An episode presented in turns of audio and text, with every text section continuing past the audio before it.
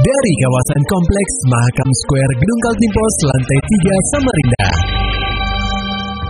96,8 KPFM. Kita akan ikuti program KP Flash News.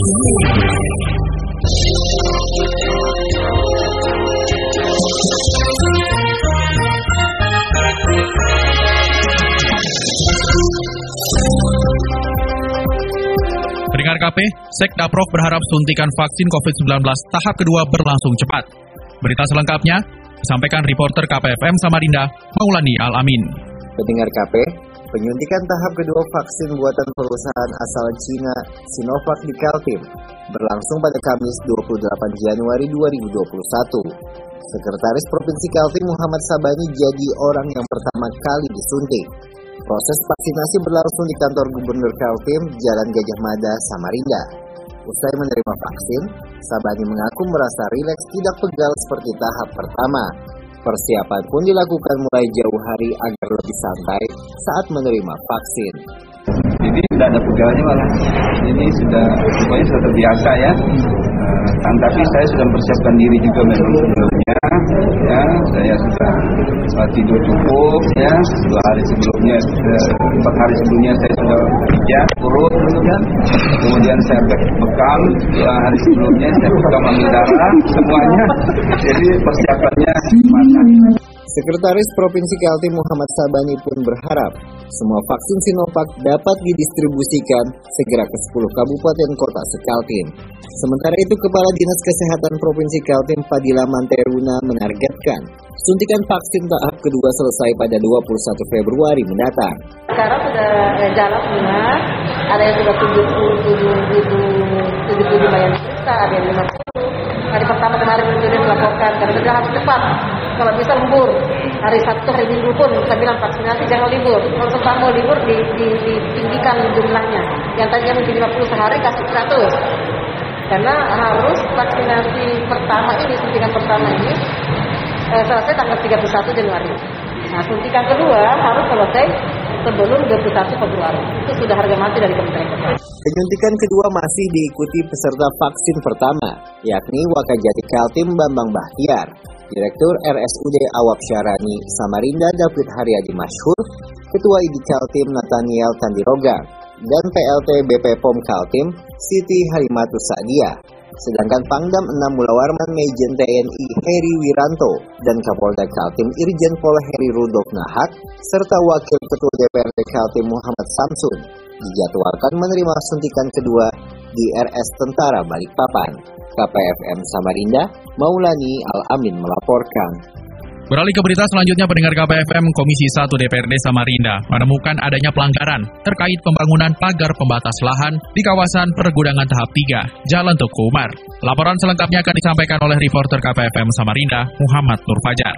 Pendengar KP, jajaran Komisi 1 DPRD Samarinda melakukan inspeksi mendadak atau sidak terhadap pembangunan pagar pembatas lahan di kawasan pergudangan tahap 3, tepatnya di areal kafe dan hotel di Jalan Tuku Umar, Kelurahan Karangasamulu, Kecamatan Sungai Kunjang, pada Jumat 29 Januari 2021. Sebelumnya, pembangunan pagar pembatas lahan tersebut mendapat keluhan dari beberapa pemilik gudang lantaran adanya dugaan pelanggaran batas.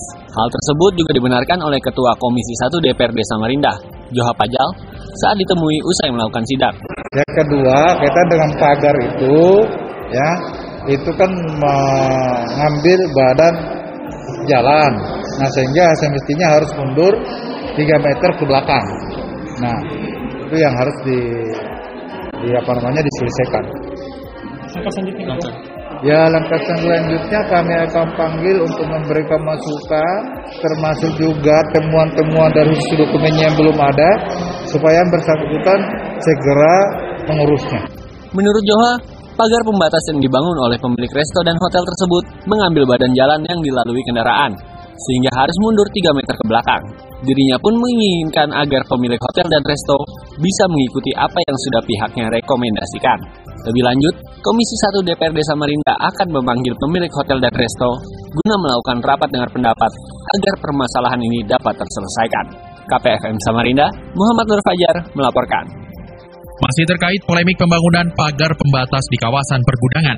Pendengar KP, Komisi 1 DPRD Samarinda bersama jajaran Dinas Penanaman Modal dan Pelayanan Terpadu Satu Pintu atau DPMPTSP Samarinda menyambangi pemilik hotel dan resto lantaran menemukan banyak keganjilan dalam pembangunan pagar pembatas tersebut. Di sini, seluruh jajaran mengecek segala kelengkapan dokumen perizinan di sebuah kawasan hotel yang sedang dalam tahap pembangunan. Hasilnya, pemilik hanya mengantongi izin mendirikan bangunan atau IMB untuk pembangunan hotel dan restoran. Kepala DPMP TSP Samarinda, Yus Maramdana Alus, membeberkan untuk kafe dan pembangunan pagar pembatas tidak memiliki dokumen perizinan seperti IMB. Sebagai tindak lanjut, Dus Maramdana meminta kepada pemilik untuk segera melengkapi segala berkas perizinan yang dibutuhkan. Bahkan pihaknya akan memberi waktu kepada pemilik sembari menunggu hasil dengar pendapat yang dilakukan oleh DPRD Samarinda yang akan digelar dalam pekan depan. Ini kami temukan beberapa titik bangunan yang ternyata tidak ditunjang dengan syarat IMB. IMB-nya tidak ada sama sekali. Misalnya uh, restorannya, restoran kafe, apa namanya trans ya, saya tahu itu namanya karena saya juga kunjungin. Nah, termasuk juga proses pembangunan sedang berjalan dan sempat masuk di pemberitaan media dalam hal pembangunan pagar. Sampai dengan hari ini uh, dari pihak pemohon masih melakukan proses kelengkapan surat, namun ada kesalahan. Kesalahannya fatal, mereka melakukan proses pekerjaan sebelum izin keluar. Dan setelah kita lihat di lapangan itu terjadi proses pelanggaran garis sepadan pagarnya. Artinya garis sepadan pagar yang mengatur jarak tertentu di antara badan jalan dengan pagar yang harus berdiri. Setelah mendapat teguran owner hotel dan resto tersebut, yakni Koh Aling, mengaku siap untuk memenuhi panggilan dari DPRD Samarinda. Aling melanjutkan, secara umum pihaknya tidak memiliki masalah terkait proses perizinan karena untuk hotel dan resto miliknya sudah mengantongi IMB. Oh, siap aja. Dipanggil, ya siap. Pembangunan di sini beberapa ada yang belum berizin itu gimana Pak dari ada dugaan? Secara anu semua itu berizin bukan tidak ada berizin. Cuma ya dari kalau hotel ini nggak ada yang nggak ada berizin yang tapi dia bilang kan infrastrukturnya aja. Kenapa daya dulu kan nggak pernah dimintain, cuma untuk di hotel, hotel aja, hotel aja kita lengkapi lah. Restorannya kan belum dugaannya belum mungkin. Ya itu restoran dibilang udah masuk ya, nggak masalah nanti menyusul aja kan bisa. Lebih lanjut, Aling menambahkan terkait permasalahan pagar pembatas. Dirinya akan menuruti apa yang sudah direkomendasikan oleh pihak terkait dan akan menghentikan pembangunan sementara sampai izinnya terbit. Beralih ke berita selanjutnya pendengar KP, kabar duka menghinggapi kota tepian. Kepala Dinas Pemadam Kebakaran atau Disdamkar Samarinda, Nursan, dinyatakan meninggal dunia pada Jumat 29 Januari 2021 sekitar pukul 11.00 waktu Indonesia Tengah di RSUDI AMUI Samarinda. Kabar duka tersebut disampaikan langsung oleh Humas Disdamkar Samarinda, Heri Suhendra, saat dikonfirmasi melalui sambungan telepon. Heri sendiri juga baru menerima informasi tersebut dari pihak keluarga. Heri menjelaskan almarhum sebelumnya sempat terkonfirmasi positif COVID-19 dan mendapatkan perawatan di RSUD Iamuis. Namun berdasarkan hasil swab PCR, almarhum sudah dinyatakan sembuh hingga akhirnya dilaporkan meninggal dunia bawaan ah, dia ada penyakit bawaan uh. awalnya awalnya kan kena C19 dan oh, betul. tapi C19 sudah tidak non reaktif oh, sudah non reaktif bang ya, ah, penyakit oh, penyakitnya yang anu yang bikin parah lebih lanjut jenazah Kadis Damkar Samarinda Nursan akan disemayamkan di rumah duka di Jalan Pemuda 1 Samarinda. Rencananya, jenazah Nursan akan dimakamkan di tempat pemakaman umum atau TPU di Jalan Kemakmuran, Samarinda.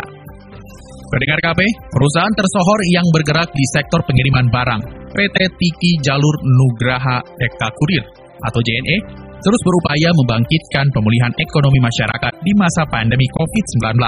Ikhtiar tersebut diwujudkan dengan mendorong usaha mikro kecil dan menengah atau UMKM konvensional untuk beralih ke penjualan daring. Bukan tanpa alasan, selama pagebluk melanda lebih dari 60 juta pelaku UMKM di pelosok tanah air termasuk Kaltim, terdampak virus corona. Belum lama ini, JNE Cabang Samarinda menggelar webinar bertajuk Kolaborasi Bisnis Online, menghadirkan narasumber berkompeten. Acara tersebut bertujuan memfasilitasi pelaku UMKM agar dapat bersaing di ranah digital, mengingat keterbatasan fisik aktivitas jual beli selama pandemi. Dalam kesempatan itu, Kepala Cabang JNS Samarinda, Nandri Hidayat, mengatakan pihaknya telah menyiapkan berbagai program termasuk workshop gratis tentang digital marketing.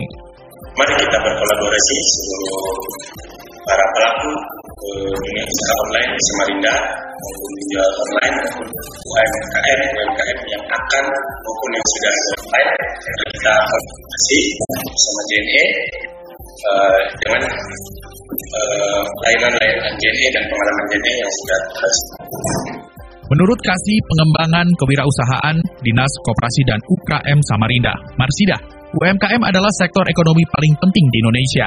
Dia menyebutkan tenaga kerja yang mampu diserap UMKM mencapai 97 persen. Dikatakan bahwa kenapa UMKM penting bagi perekonomian Indonesia?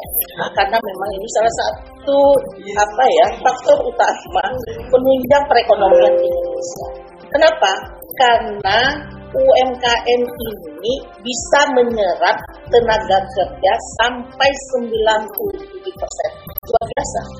Marsida berpendapat jumlah pelaku UMKM di kota tepian itu tercatat seiring PHK yang dilakukan banyak perusahaan. Sebab banyak karyawan beralih jadi pelaku UMKM. Kasih pengembangan kewirausahaan Dinas Koperasi dan UKM Samarinda Marsida melanjutkan. Pemerintah menaruh perhatian yang besar terhadap UMKM, sehingga penguatan sektor ini bisa terus berkembang dan tetap memiliki daya saing. Maulani Alamin, Muhammad Nur Fajar, KPFM Samarinda. Serta dapatkan berita-berita selengkapnya di www.968kpfm.co.id. Demikian tadi telah kita simak rangkaian berita-berita yang terangkum dalam program KP Flash News. Persembahan dari 96,8 KPFM. Terima kasih dan sampai jumpa.